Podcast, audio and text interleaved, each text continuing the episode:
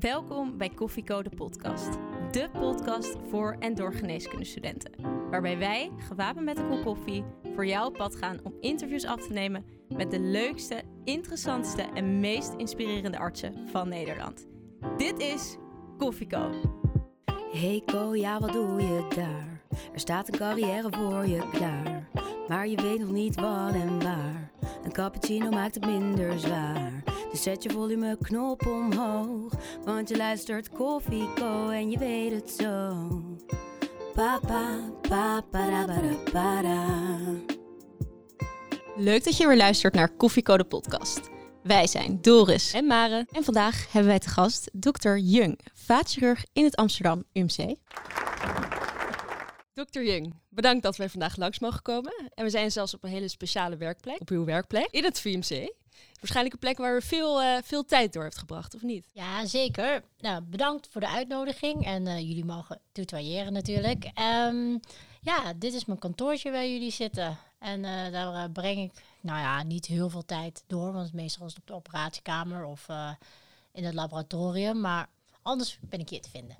Dit is de plek waar u eh, uw koffietjes drinkt volgens mij. En dat, ehm, nou ja, wij zitten momenteel aan de Taiwanese thee. Juist. Maar als co-assistenten blijven wij toch benieuwd hoe u uw koffie drinkt. Dus hoe drinkt u hem het liefst? Ja, dan moet ik toch eh, jullie een beetje teleurstellen.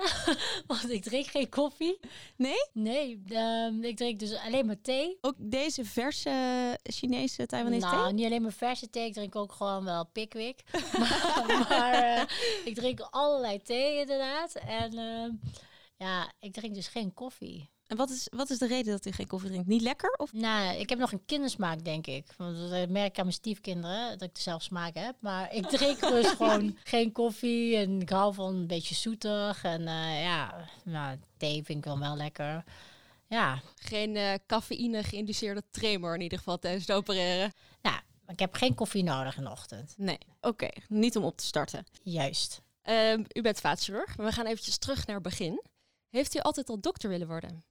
Nou, ja, eigenlijk wel. Ehm, en dan weet ik eigenlijk niet of het nou eh, door mijn Chinese ouders komt. Hè, dat je dan denkt, je moet of dokter worden of advocaat. Eén van die twee. Want die zijn eh, zelf eh, namelijk niet geschoold. En uit, mijn moeder uit Maleisië, mijn vader uit Hongkong naar hier toe gekomen. om eigenlijk als oudste van het gezin geld te verdienen. En dan vervolgens moeten ze al hun geld terugsturen naar hun broertjes en zusjes, want ze hadden er zes. Eh, zodat die naar school konden, zeg maar. Dus ze zijn zelf niet eh, geschoold. En dan hebben ze altijd gezegd, ja, jij moet iets gaan doen. Nou, mijn enige kind. Dus dan, eh, dan wordt alle hoop op mij gevestigd. Ja. en nou, ik was wel al heel vroeg, toen ik vier, vijf of zes was, dacht ik al van, nou, eh, ik wil wel eh, dokter worden. En toen ik op eh, de middelbare school zat, dacht ik wel, ik wil chirurg worden. Wauw. Ja? Ja. En wat maakte het dat u dat toen al wist? Nou, ik eh, vond het biologie vond ik heel mooi. Dat vond ik een leuk vak. En mijn biologieleraar die eh, heeft me ook een keer eh, al op een heel vroege leeftijd, jonge leeftijd, al naar de OK gebracht. Want die had een anesthesist als vriendje. Oh. Die mocht ik meekijken. En ja, en ik, wat ik leuk vind is eigenlijk eh, toch eh, hoe het menselijk lichaam werkt. En dat je ook echt iets kan doen, kan interfereren. En dat je kan zien wat er dan gebeurt. Dus ehm, en dat vind ik mooi, dat het directe resultaat en... eh, Ja. eh, en ja, redelijk ingewikkeld. dat Een beetje puzzelen, dat is ook wel leuk. En wat actie-reactie. Ja, gewoon eh, dat je echt ehm, eh, nooit saai hebt. Ja, klinkt als eh, de perfecte keuze, geneeskunde dan. Ehm, en wat was u voor student? Hoe was u toen u geneeskunde studeerde? Nou, ehm, ik eh, ben denk ik niet echt een hele typische student geweest. Ik vond de geneeskunde vond ik heel leuk, maar ik miste eigenlijk in het begin al... En wou, dat is de reden dat jullie die koffiekoop-podcast hebben. Maar het begin al eigenlijk een beetje connectie met, die, met de artsen. Ja. Dus toen ik 18 was, eh, of 19, toen ik in een collegezaal zat van eh, hart en vaten, toen dacht ik, wauw, deze vaatchirurg, dat is dan professor Willem Wisseling, die zit één kamer naast mij. die had een supergoed verhaal met robotchirurgie in de vaatchirurgie. Toen dacht ik, nou, dit is wat ik wil. En je zag het met die robotchirurgie, zie je dus 3D alles, met alles gefilmd toen een vat werd hersteld. En toen dacht ik, wauw, eh, dat is echt super gaaf. En toen ben ik op zeer jonge leeftijd eigenlijk al, nou begin dus 18, eh, eerste jaar, eh halverwege eerste jaar naar hem toe gegaan, naar de college. En toen zei ik tegen hem van, nou mag ik ehm, een keer bij je op de OK kijken. En toen werd het eigenlijk van, ja, is goed. Maar toen gaf hij me gelijk een opdracht van, hier heb je case report. Dan moest ik dat gaan schrijven. Wauw. En blijkbaar kon ik dat heel makkelijk en goed. En was het ook gelijk gepubliceerd. Ze zeiden, oh, je hebt talent. En toen kreeg ik dus een heel onderzoekslijn, zeg maar, een soort van project. En dan heb ik dat helemaal zelf eh, uitgezocht. maar eigenlijk niet met het doel van, ik moet onderzoek doen. Maar het was meer van, oh ja, is goed. En eh, ik deed echt de lulligste klusjes op de elkaar. Want als er Robert Gigi werd gefilmd, dus eerst deed ik VHS-banden erin en daarna deed ik DVD-spelers aanzetten. En dat was eigenlijk mijn taak. Maar ja, ik was wel bij die operaties en ik deed ook de andere PhD-studenten deed ik een beetje assisteren bij de varkensstudies en bij allerlei studies dat ik deed eh, toen, die er toen waren. U bent er echt ingerold. Ja, ik ben er een beetje ingerold, inderdaad, in, in de vaatchirurgie dan. Maar, in de, maar als student was ik dus eigenlijk, ehm, eigenlijk echt bezig met mijn studie. Ja. En deed ik eh, of research, of ik was aan het studeren.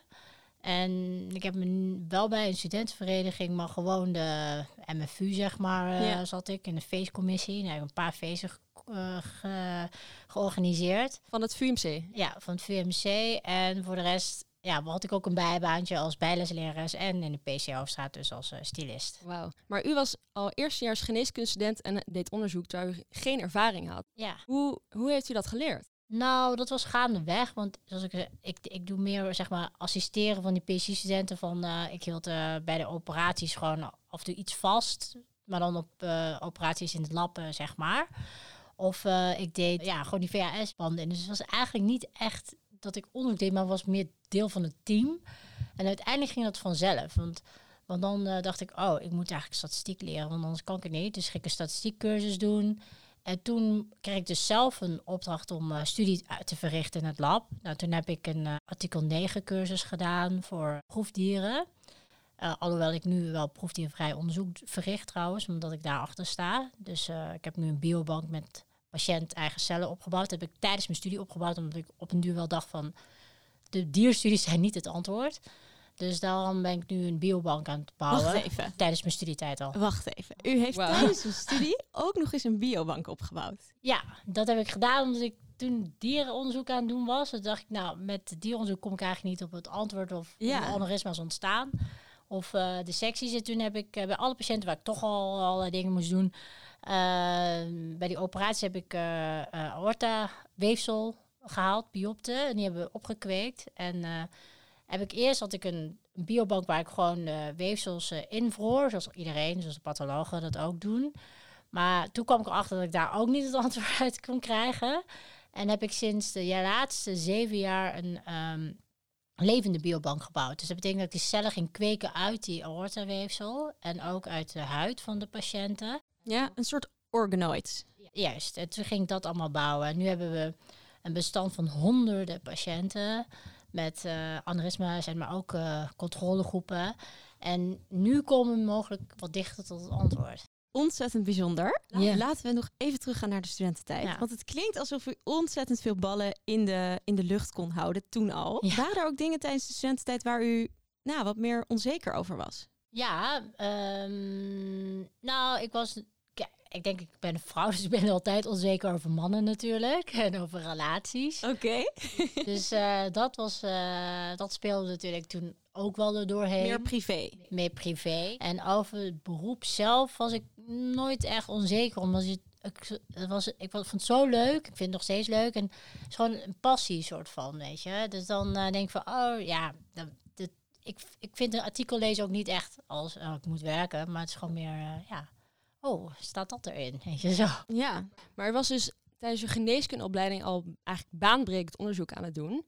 Hoe reageerde zo'n onderzoeksgroep erop? Dat zo'n jongere student eigenlijk al zoveel kon betekenen. Nou, ik had altijd wel in een, ik zit in een hele veilige, beschermde omgeving. Dus professor Wisseling en ook de onderzoeksgroep die er toen was en mijn eh, collega die nu gaat komen, Vincent Jonkind bijvoorbeeld, die eh, zijn ontzettend open, die, on- die, die steunen alleen maar. En de reden waarom ik zeg maar dit mag doen en kan doen, is alleen omdat eh, de, eh, toen de tijd mijn bazen en de vaatchirurg zelf helemaal achter je staan en denk van ja en eh, altijd je steunen en nou ook vice versa, want hij belde me ook al midden in de nacht op van, hé, hey, wat staat er in die presentatie? En denk, oh, ik, uh, het is vier uur s'nachts, meneer, ik moet even mijn laptop opstarten, weet je wel. Dus dat is dan ook wel vice versa, maar um, we, ja, het is echt een, uh, een, soort van familie geworden. Ja. Dus het is echt uh, heel veel gunfactor hier. En ik heb nooit van, van de, hier de vaatchirurgische groep, hier heb ik nog nooit um, enige weerstand gevoeld. Ja. We gaan door naar uh, het specialisme. Ja, u heeft dus uiteindelijk gekozen voor de vaatchirurgie. U heeft al een beetje verteld dat u eigenlijk er op die manier uh, ingerold bent. Um, maar wat heeft jou uiteindelijk doen besluiten om voor de vaten te gaan? Nou, de vaatchirurgie is een vrij nieuw beroep. Hè? Want vroeger waren het eigenlijk cardiochirurgen. En je merkte het ook wel toen ik in, uh, in Taiwan zat uh, als uh, ex-student. Heb ik ook bij de vaatchirurgie gelopen. Was hij de eerste vaatchirurg dus, die er was. En hier bestond het dan eigenlijk al wel 15 jaar of 20 jaar. Maar het is een vrij nieuw beroep. Want daarvoor waren het meer de cardiochirurgen die dan ook wat vaten deden. En bijvoorbeeld in Roemenië is het nog steeds zo. Dus dit beroep is vrij nieuw, waardoor er heel veel ontwikkeling is. Dus heel veel onderzoek. Um, heel veel dingen weten we niet. En heel veel nieuwe technieken. Dus naast open chirurgie, dat we zeg maar uh, het abdomen helemaal open uh, snijden en dan met de hand zeg maar prothese inhechten, doen we nu ook heel veel endovasculair. Dus dat is via de lize en brengen we een stent naar binnen. Maar die stents die doen we nu zelfs tot in de aorteboog, vlak bij de hartklep. En het, wordt, het is zo geavanceerd dat het gewoon, um, ja, dat, dat, je, dat de technieken die in de vaatchirurgie gaan, nemen echt een vogelvlucht. En dat is echt super mooi.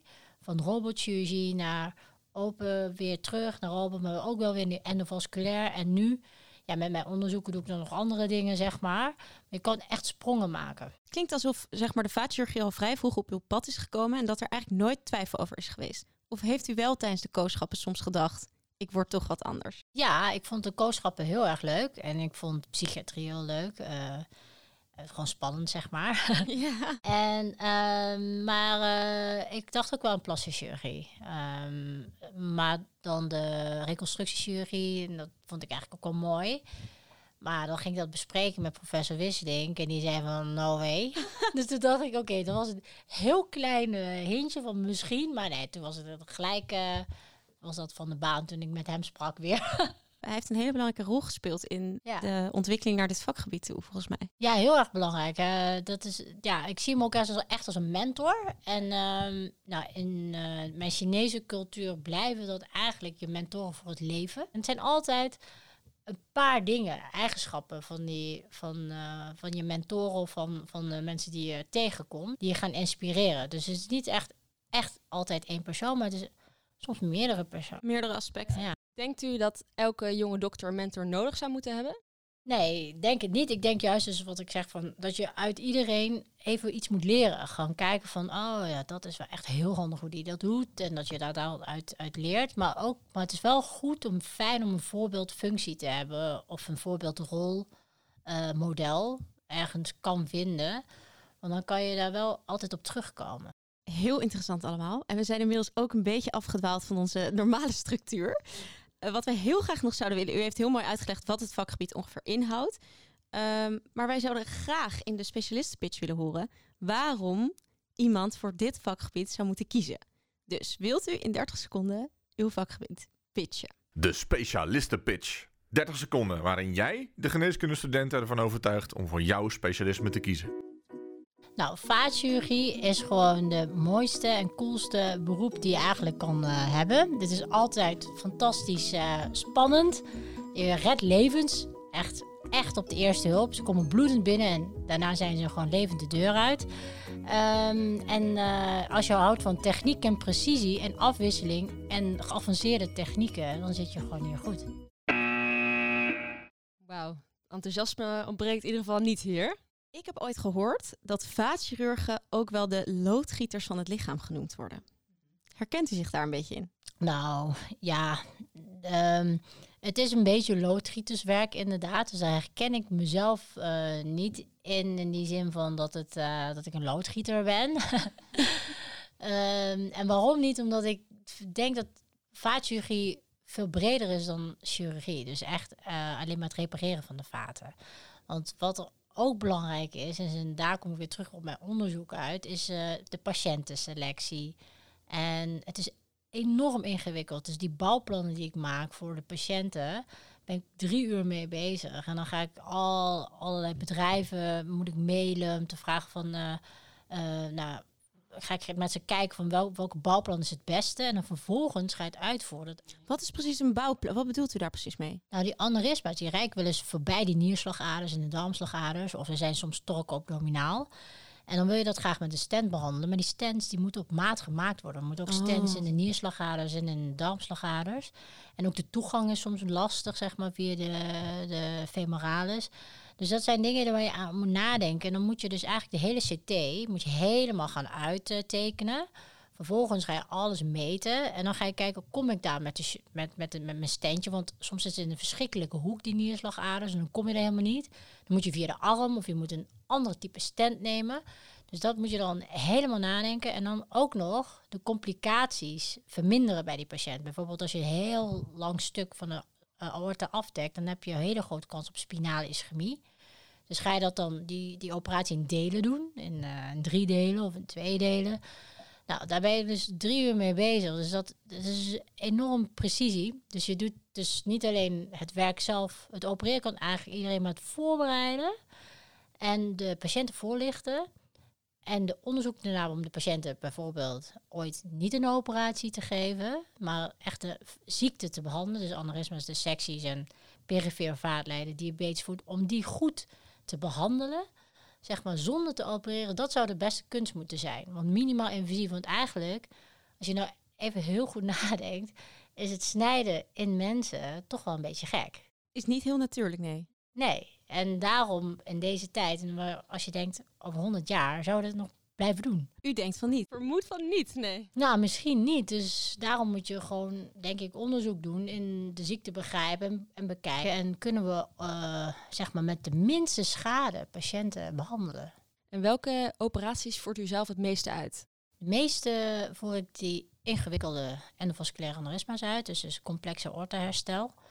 Uh, dat is het meeste werk, want dat is ook onze meeste aanbod eigenlijk uh, hier in de academie. Maar ik uh, doe eigenlijk alles behalve spataderen. Ja. Waarom doet u geen spataderen? Omdat we dat hier niet hebben in het VU. Oh, oké. Ja, maar ik heb ze natuurlijk wel ge gedaan in mijn opleiding in Horen. Ja, dus...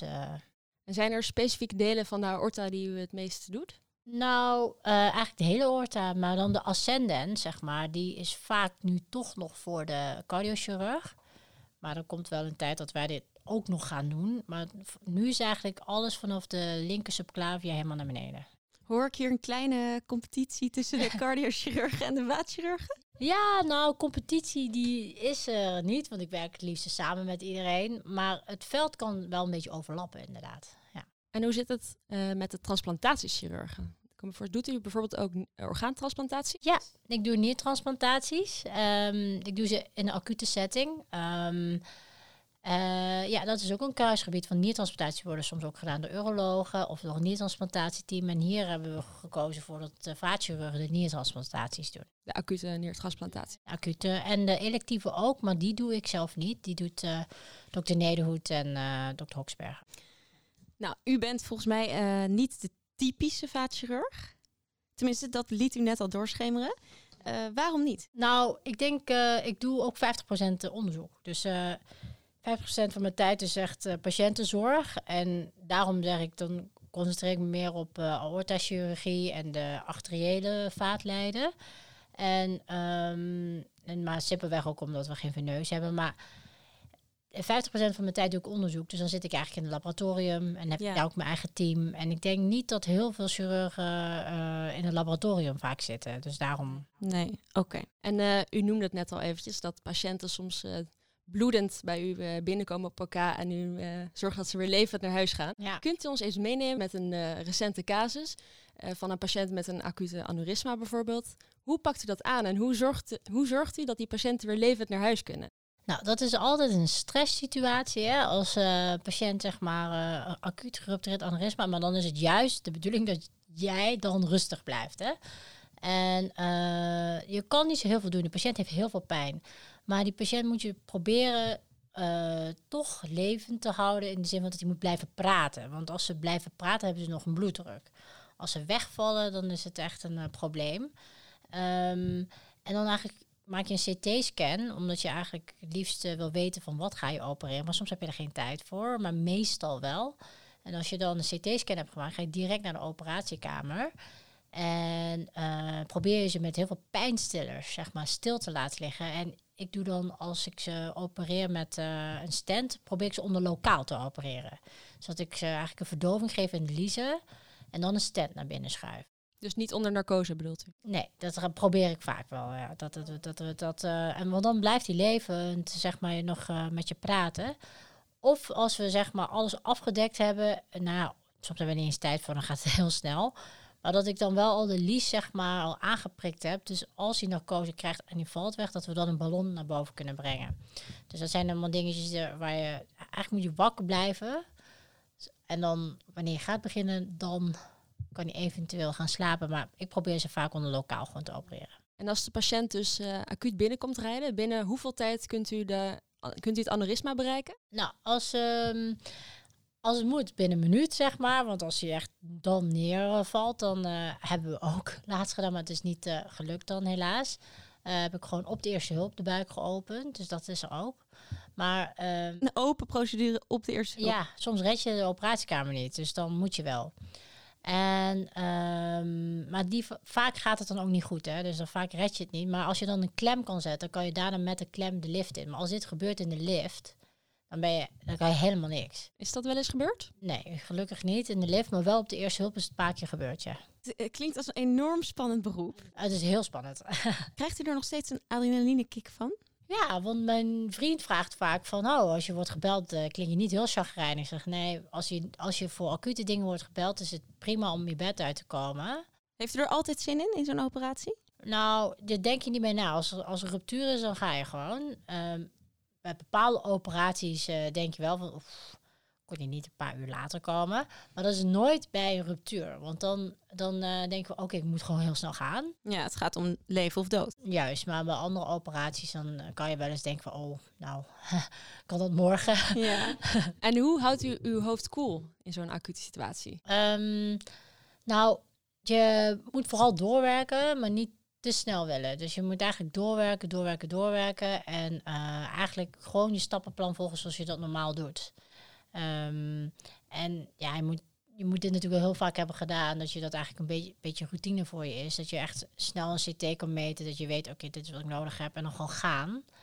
Ehm, maar je moet wel heel direct zijn in communicatie. En dat is wel eens soms vervelend. Ja. In wat voor situaties eh, is dat vervelend? Nou, want dan moet je best wel direct praten. Dan kan je niet heel zeggen, alsjeblieft, mag ik dit of zo. En dan eh, worden sommige specialisten, ze denken van, eh, die of, of een zuster, die denkt dan, oh, communicatie is wel heel erg direct. Dus daar moet je wel een beetje mee oppassen. Maar ja, je hebt niet zo heel veel tijd. Dus als je dan nog een keer alsjeblieft achter elke zin moet zeggen, dan is lastig. Ik, wil ik ben toch nieuwsgierig naar de, het type vaatchirurg. Het stereotype vaatchirurg. Ik hoor nu al dat je goed stressbestendig moet zijn. Ja. Eh, directe communicatie, daar moet je ook een beetje tegen kunnen. Ja. Zijn er andere eigenschappen die je als vaatchirurg moet hebben? Ik denk dat je ook leiderschap, skills moet hebben, eigenschappen. En dat je talent moet hebben voor snel en organisatorisch werken. En ook dat je technisch inzicht hebt. Een beetje visuele ja, inzichten. Dus zeg maar dat je weet van, oh, zo ziet dat aneurysma eruit. En ongeveer dat is...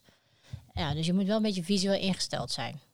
En qua chirurgische skills, dat millimeterwerk op de vaten, is dat iets waar je aanleg voor moet hebben? Nou, alles is te leren. Hè, maar een beetje handig, je moet wel door kunnen werken. Dus dat is het enige. Want je kan niet uren aan een procedure zitten. Want hoe langer je opereert, hoe meer complicaties bij zo'n patiënt is. Dus je moet wel... Maar je kan het oefenen. Dus ik zeg nooit van dat niemand het niet kan. Maar je, je moet het wel goed oefenen. Ja. Oké. Ehm, als vaatchirurg heb je volgens mij ook wel een redelijk onregelmatig leven. Want zo'n aneurysma kan natuurlijk altijd eh, ruptureren. Hoe gaat u daarmee om? Met de diensten en de onregelmatigheid? Nou, dat is een eh, goede vraag, want dat is niet voor iedereen weggelegd. En ehm, dat is eigenlijk in mijn beroep, zeg maar, vind ik dat ook het meest vervelende. Is dat je gewoon zoveel diensten hebt. En ook wel, dat er ook wel wat dingen gebeuren. En ehm, nou ja, dus dat, dat is wel een onregelmatig leven, inderdaad. Maar je moet proberen goed uit te rusten wanneer je kan. En uh, gewoon genieten van uh, de momenten wanneer het kan. En goed plannen. Je moet echt enorm goed plannen. Ja? Het is een beetje gek van, ja, ik plan al eigenlijk dingetjes in januari of zo. En die pas juli, zeg maar. Dus het is echt heel veel plannen. Ja, maar ja, die diensten kan je niet echt plannen. Dus ja, op een duur wen je er een beetje aan. En ja, ik probeer bij de dienst bijvoorbeeld dat ik niet te veel moet werken. Want ik werk ook nog aan mijn artikelen en zo. En dan probeer ik eigenlijk dan op dat moment niet te doen. Want dan denk ik, ja, dan heb ik dienst en dan zit ik ook nog aan die artikelen te, ja, ja. sleutelen. Ja. En uh, ik kan me voorstellen dat de diensten, dat dat iets kan zijn wat achteraf toch best wel tegen kan vallen voor een arts. Hoe kan je als co-assistent weten of, je, of dat iets voor jou is? Ja, dat is wel echt een moeilijke vraag. Want hoe, hoe ouder je wordt, hoe, hoe anders je met diensten omgaat. Want kijk, je, toen ik heel jong was, jullie leeftijd, uh, nou ik ben nog steeds jonger, 36. maar toen ik heel jong was, uh, 20 laat ik zo zeggen, of 25, toen had ik al helemaal geen moeite mee met die diensten ook. Toen dacht ik, joh, poef, gaan en uh, het was prima. Maar als je mm, wat ouder wordt, en nu ben ik wat iets ouder geworden, dan voel ik het al. Want ik heb vorige week twee keer een nacht doorgedraaid. En ik ben een hele week dan gewoon van aan het herstellen. Want, oh, ik ben moe en ik voel het in mijn benen. En dan, dus fysiek gaat het elke keer een beetje wat van jou kosten. Dus je weet het eigenlijk niet. Je kan je niet zo heel goed voorbereiden. Maar als je echt van het vak houdt, dan is het prima en goed. En dan ga kom je er wel doorheen. En ik denk, met de tijd zullen ook deze dienstroosters anders zijn. Want het is al veel, heel anders dan uh, wel twintig jaar geleden... waar mensen gewoon wekenlang dienst achter elkaar hadden... En, ook helemaal niet slapen. En in Amerika is het nog veel erger, want ik heb daar ook gewerkt en in, uh, in uh, Taiwan. Nou, daar heb je gewoon elke dag dienst. Je hebt gewoon een mobieltje waar ze op bellen voor jouw patiënt. Dus het is, daar kom je gewoon het ziekenhuis niet uit. Ik moest vijf uur in de ochtend al visite lopen voor, als fellow. Wow. Zo. In Amerika. Ja, dus dan, um, dan is het, hier moet je eigenlijk niet zoveel zeuren dan, zeg maar. soort van, dan denk ik wel, oké, okay, je hebt nog wel genoeg compensatie. En het wordt steeds beter en beter. Dus in Nederland gaat het eigenlijk wel prima. Maar gaat het in de toekomst wel veranderen? Want echt gezond is het niet voor de arts volgens mij. Nee, in de toekomst gaat denk ik wel iets meer veranderen, ja. Want uh, je merkt dat de shift gewoon langzaam komt, hè. Ja. Dus ik denk dat jullie toch uh, daar minder mee te maken hebben dan, uh, dan ik. Maar ik heb de ergste va variant ook een keer meegemaakt. Dus dan voor mij is alles wel oké, okay, valt al mee. Je bent er tegen opgewassen. Ja. Zijn er ook vaatchirurgen die parttime werken? Of is dat nog iets wat... Nee, we hebben geen parttimers. Nee, nee, niet hier. Nee. Zou, zou je dat zien zitten? Want u doet zoveel taken. Nou, dat kan niet, want uh, dan kan ik geen onderzoek en... Uh, Bestaat niet? Nou, nee, dat kan ook echt niet, zeg maar. Nee? Nee, want anders kom je echt... Ik bedoel, hoe, hoe weinig poli of hoe weinig operaties moet je dan verrichten, weet je? Je ja. wil natuurlijk ook nog wel je skills blijven doen. Dus ja, ik zou niet parttime, uh, maar goed, parttime, wat is parttime, hè? Ja, eigenlijk opereert u parttime en de andere parttime doet u weet. Ja, precies. Dus, uh, en, wat, en wat is parttime? Sommigen hebben dan niet patiëntgebonden werkdag en uh, sommigen die uh, doen dan wel onderzoek of andere of onderwijsdingen. Ja, het is, ja... Ik, maar het fijne is wel als je specialist wordt, en niet om iedereen hier af te schrikken, is dat je wel een beetje je eigen tijd kan indelen. Dus je zegt van, ik heb eigenlijk een, een afspraak staan om vijf uur ergens. Mhm. Mm -hmm. Dan kan je wel je secretaresse vragen, kan je om vier uur mijn spreekuur blokkeren. Dus dan kan je wel uurtje eerder weg. Dus het is niet zo van dat je al forever alleen maar 24-7 dit aan het doen bent. Je mag Oh, ja. wel je eigen tijd indelen, Nou, dat- je eigen planning. Dat klinkt goed. ja, Ik wil toch nog even terug naar eh, patiënten en het patiëntcontact. Wat ik altijd zo interessant vind om aan een arts te vragen is... waarom ehm, zouden patiënten graag bij u onder behandeling willen zijn? Nou, ik persoonlijk als dokter is het, zeg maar, ik heb zelf eh, echt veel kennis, denk ik dan. en eh, overal geopereerd eh, in de hele wereld. Dus wat, wat, dus naar mijn leeftijd hoef je dan niet te kijken of mijn ervaringsjaren. Dus ik Ja. denk dat ik even goed mee kan draaien dan onze professor, zeg maar. Wat betreft eh, ehm, de nieuwe behandelingen, zoals endovasculair herstel. En nou ja, ze kunnen bij altijd bij me terecht, omdat ik altijd wel zo op nummer 1 heb staan in Ja, belangen en de klinkt complicaties. Eh, zo ze proberen zo weinig mogelijk eh, zeg maar te laten voorkomen. En eh, ja, en ze gaan me altijd aan het hart. Klinkt, eh, klinkt zeer overtuigend voor, voor de patiënten. Amsterdam UMC is ook een opleidingscentrum. Kunt u ons kort vertellen hoe de opleiding tot vaatchirurgie eruit ziet? Nou, dat is via algemene chirurgie, maar eigenlijk is het zes jaar heelkunde dus, zeg maar. En dan vier jaar algemeen en de laatste twee jaar ga je differentiëren. Maar dan ben je nog niet helemaal klaar. Dan moet je nog een fellowship doen. Dus vaak is dat nog één of twee jaar in andere klinieken. En dan kan je kiezen naar buitenland of hier. Um, ja, zo ziet eigenlijk de opleiding eruit. Maar je wordt eerst algemeen chirurg. We hebben het nu uitgebreid gehad over uw vakgebied. Um, wat wij nog interessant vonden, is dat wij op internet ter voorbereiding van dit interview lazen dat er in een artikel over u stond. Um, Kake Jung is uh, Aziatisch, vrouw en 35 jaar. Inmiddels 36. Allemaal ingrediënten, vermoedt ze, die er soms toe bijdragen dat men haar wat onderschat. Op congressen ziet men haar vaak aan voor een vertegenwoordiger van een farmaceut. Verbazing alom wanneer ze het podium betreedt als vaatchirurg. Wat doet dit met u dat, u dat u het idee heeft dat u wel eens wordt onderschat? soms moet je het maar zien als een compliment dan. Hè, dat je niet als een uh, grijze, oude, grote man uitziet. Uh, dus dat is fijn. Zeker maar met Dus dat, dat neem ik maar allemaal als compliment. Maar vaak is het ook wel vervelend. Omdat um, je altijd het gevoel hebt van ik moet me bewijzen. Maar eigenlijk hoeft dat niet. Uh, dan komt het natuurlijk met de jaren mee. Dus het advies is om toch wel aan mezelf... om rustig te blijven en en zodra ze je presentatie horen op podium, dan is eigenlijk altijd iedereen om. Dus al, eigenlijk altijd iedereen komt daarna enthousiast naar me toe. En ik heb uh, een enorm netwerk en ik organiseer zelf ook een aantal congressen internationaal met uh, China en met uh, Roemenië en met en zit in faculty van allerlei congressen. Dus op een duur word je toch vanzelf herkend. Ja. Dus het gaat en, en het is het beste jezelf te bewijzen, niet omdat je vrouw bent of minority, wat voor uh, Aziatisch vrouw enzovoort. Maar je neer te zetten als uh, een gelijkwaardige, maar dan sterker, want je wil natuurlijk beter zijn. dus, uh, maar dan sterker in de wetenschap of in je klinische vaardigheden. Dus je echt op de inhoud. Echt op de inhoud. Dus, en, en als ze iets zeggen over je uiterlijk, want dat is dan natuurlijk Aziatische vrouw. Ja, whatever, toch? Ik ben Aziatisch, ik ben vrouw. En ik ga me ook nooit anders kleden of ik draag up whatever. Ik doe soms windperkstentjes, ik kom ook zo naar de OK. Maar ja, whatever, toch? Zo gaat het. U klinkt heel zelfverzekerd. Nou, het groeit denk ik met de jaren. Want uh, nee, je bent ook... Eigenlijk ben je nooit zelfverzekerd. Je bent altijd uh, ja, rustig gewoon. En uh, goed je kennis beheren. En ja, dat is het allerbelangrijkste, denk ik. Ik denk het ook. Goeie tips. Uh, we hebben het al heel veel over uh, uw werk als vaatser gehad en uh, wat u allemaal doet in het onderzoek. Ik denk dat er genoeg is te vertellen over wat u allemaal heeft gedaan en dat we uren door kunnen praten. Vanwille de tijd moeten we helaas door. Um, als u terugblikt, wat ziet u als uw hoogtepunt in uw carrière? Daar kan ik kort over zijn. Ik heb één research hoogtepunt. Dat was vorig jaar. Heb ik de Dekkenbeurs gekregen van de Hartstichting. Dat was echt voor mij een moment van erkenning.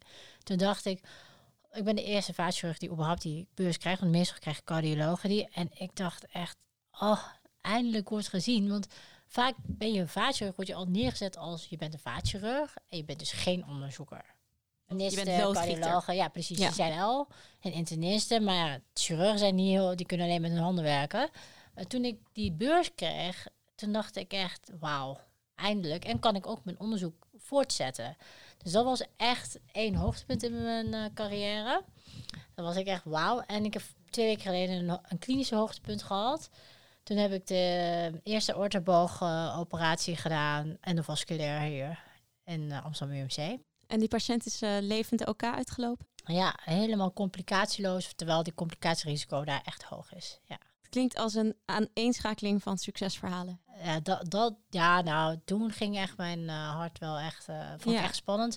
Omdat we ook drie verschillende opstellingen hadden op die, op die dag. En ik heb toen drie plattegrondjes gemaakt van hoe iedereen moest staan. We hadden ook droog geoefend de, dag, uh, de, de weken voor. Ja. Het was echt een, ja, dat was echt heel, heel spannend. Maar het is goed gegaan. Wauw. U bent zo jong en heeft zoveel al bereikt. Ik zou zeggen, u, u, mag met pensioen. Er is zoveel al gebeurd in uw carrière. Wat zijn uw doelen nog? Wat kunt u nog wel leren? Wat kunt u nog verbeteren? Nou, ik ben er nog lang niet hoor. Um, nee, ik ben er nog lang niet. Dus, uh, nee? Nee, nee. Nee. Wat is het eindpunt dan? Er zijn geen eindpunten, toch? uh, nee, er zijn geen eindpunten. Het belangrijkste is gewoon pluk de dag. Gewoon elke dag moet je gewoon blij zijn met wat je doet.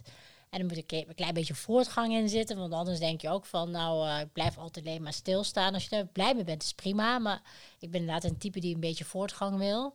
Dus dan eh, ga je gewoon elke keer door. En, en nu momenteel ben ik heel blij, want ik heb een heel fijn research team met een analist en een lab. En, klinisch gaat, word ik goed geaccepteerd. En ja, in een groep eh, wat betreft dat ik ook die moeilijke operatie mag doen, zeg maar. En alles gaat eigenlijk wel goed. En elke keer ga je bijleren gewoon. En eh, dan, ja, wat ik ook wel leuk vind, is elke keer eh, persoonlijke cursussen volgen. Bijvoorbeeld, eh, bij- vorig jaar heb ik How to Supervise PhD Students gevolgd. Dan gewoon eh, even reflecteren naar jezelf. Wat kan je inderdaad nog beter? Ja, je kan altijd iets beter, toch? Ja, ja. Nou, ook mooi om van u te horen dat dat inderdaad zo is. Ja. Dr. Jung, u bent een hartstikke jonge vrouw en een hartstikke ambitieuze vrouw eh, met een heel intens beroep. Hoe kunt u dit combineren met het privéleven? Hoe houdt u dat in balans? Nou, dat gaat eigenlijk wel goed. Want mijn eh, vriend is nog drukker. Die is advocaat-partner. Toch de advocaat. advocaat-partner, ja, ik dacht eh, het gouden wel eentje in plaats van uh, hoort ik er een. Ja, hij is nog drukker. Dus ehm, dat is fijn. Dan zou je denken, zie je elkaar niet meer? Nee, dat valt wel mee. Goed plannen. Geniet van het moment dat je bij elkaar bent. En eh, we hebben bijna dezelfde ritme. Dus je slaapt wel op hetzelfde moment. Je staat ook best wel op hetzelfde moment op. Dus je kan dan ook op hetzelfde moment sporten bijvoorbeeld. Of, eh, of eten sowieso. Dus je hebt eigenlijk al die momenten die je toch moet doen, slapen en eten, wel samen. Kijk eens aan. Oké, ehm, het is tien over zes. Lieve luisteraars, wij hebben met dokter Jung afgesproken dat zij nu echt naar haar volgende afspraak moet. Dus helaas laten we het doktersdilemma voor deze aflevering achterwege. Alleen, we kunnen u gewoon niet laten gaan zonder de laatste tip. Wij vragen altijd aan elke arts de allerlaatste tip. Wat wil u meegeven aan de luisterende co-assistent? Het mag van alles zijn. Nou, de tip is eigenlijk dat je moet doen waar je iets waar je blij van wordt, maar niet te makkelijk. Dus eh, niet de makkelijke weg kiezen, want vaak denk je, daar word ik momenteel blij van, zeg maar. En betekent dus vandaag naar het strand gaan of zo. Maar eh, je moet doen waar je, waar je denkt op langere termijn gelukkig eh, van gaat worden. Want je moet natuurlijk altijd een klein beetje moeite doen voor, om het geluk te bereiken. Dus eh, nooit de makkelijke weg kiezen. Als het kan, is het prima. Maar vecht ook gewoon voor wat je echt leuk vindt en wat je echt wil doen. En blijf dan gewoon dan jezelf. Ik vind het een hele goede tip. Bedankt. Eh, dan zijn we nu aan het einde gekomen van het interview. Dr. Jong, hartstikke bedankt dat wij bij u langs mochten komen voor het interview. Jullie luisteraars ook bedankt voor het luisteren. Luister Koffiecode podcast en ook op de Apple podcast. Laat een recensie achter. En dan zien we jullie de volgende keer bij Koffiecode podcast. Yes. yes bedankt.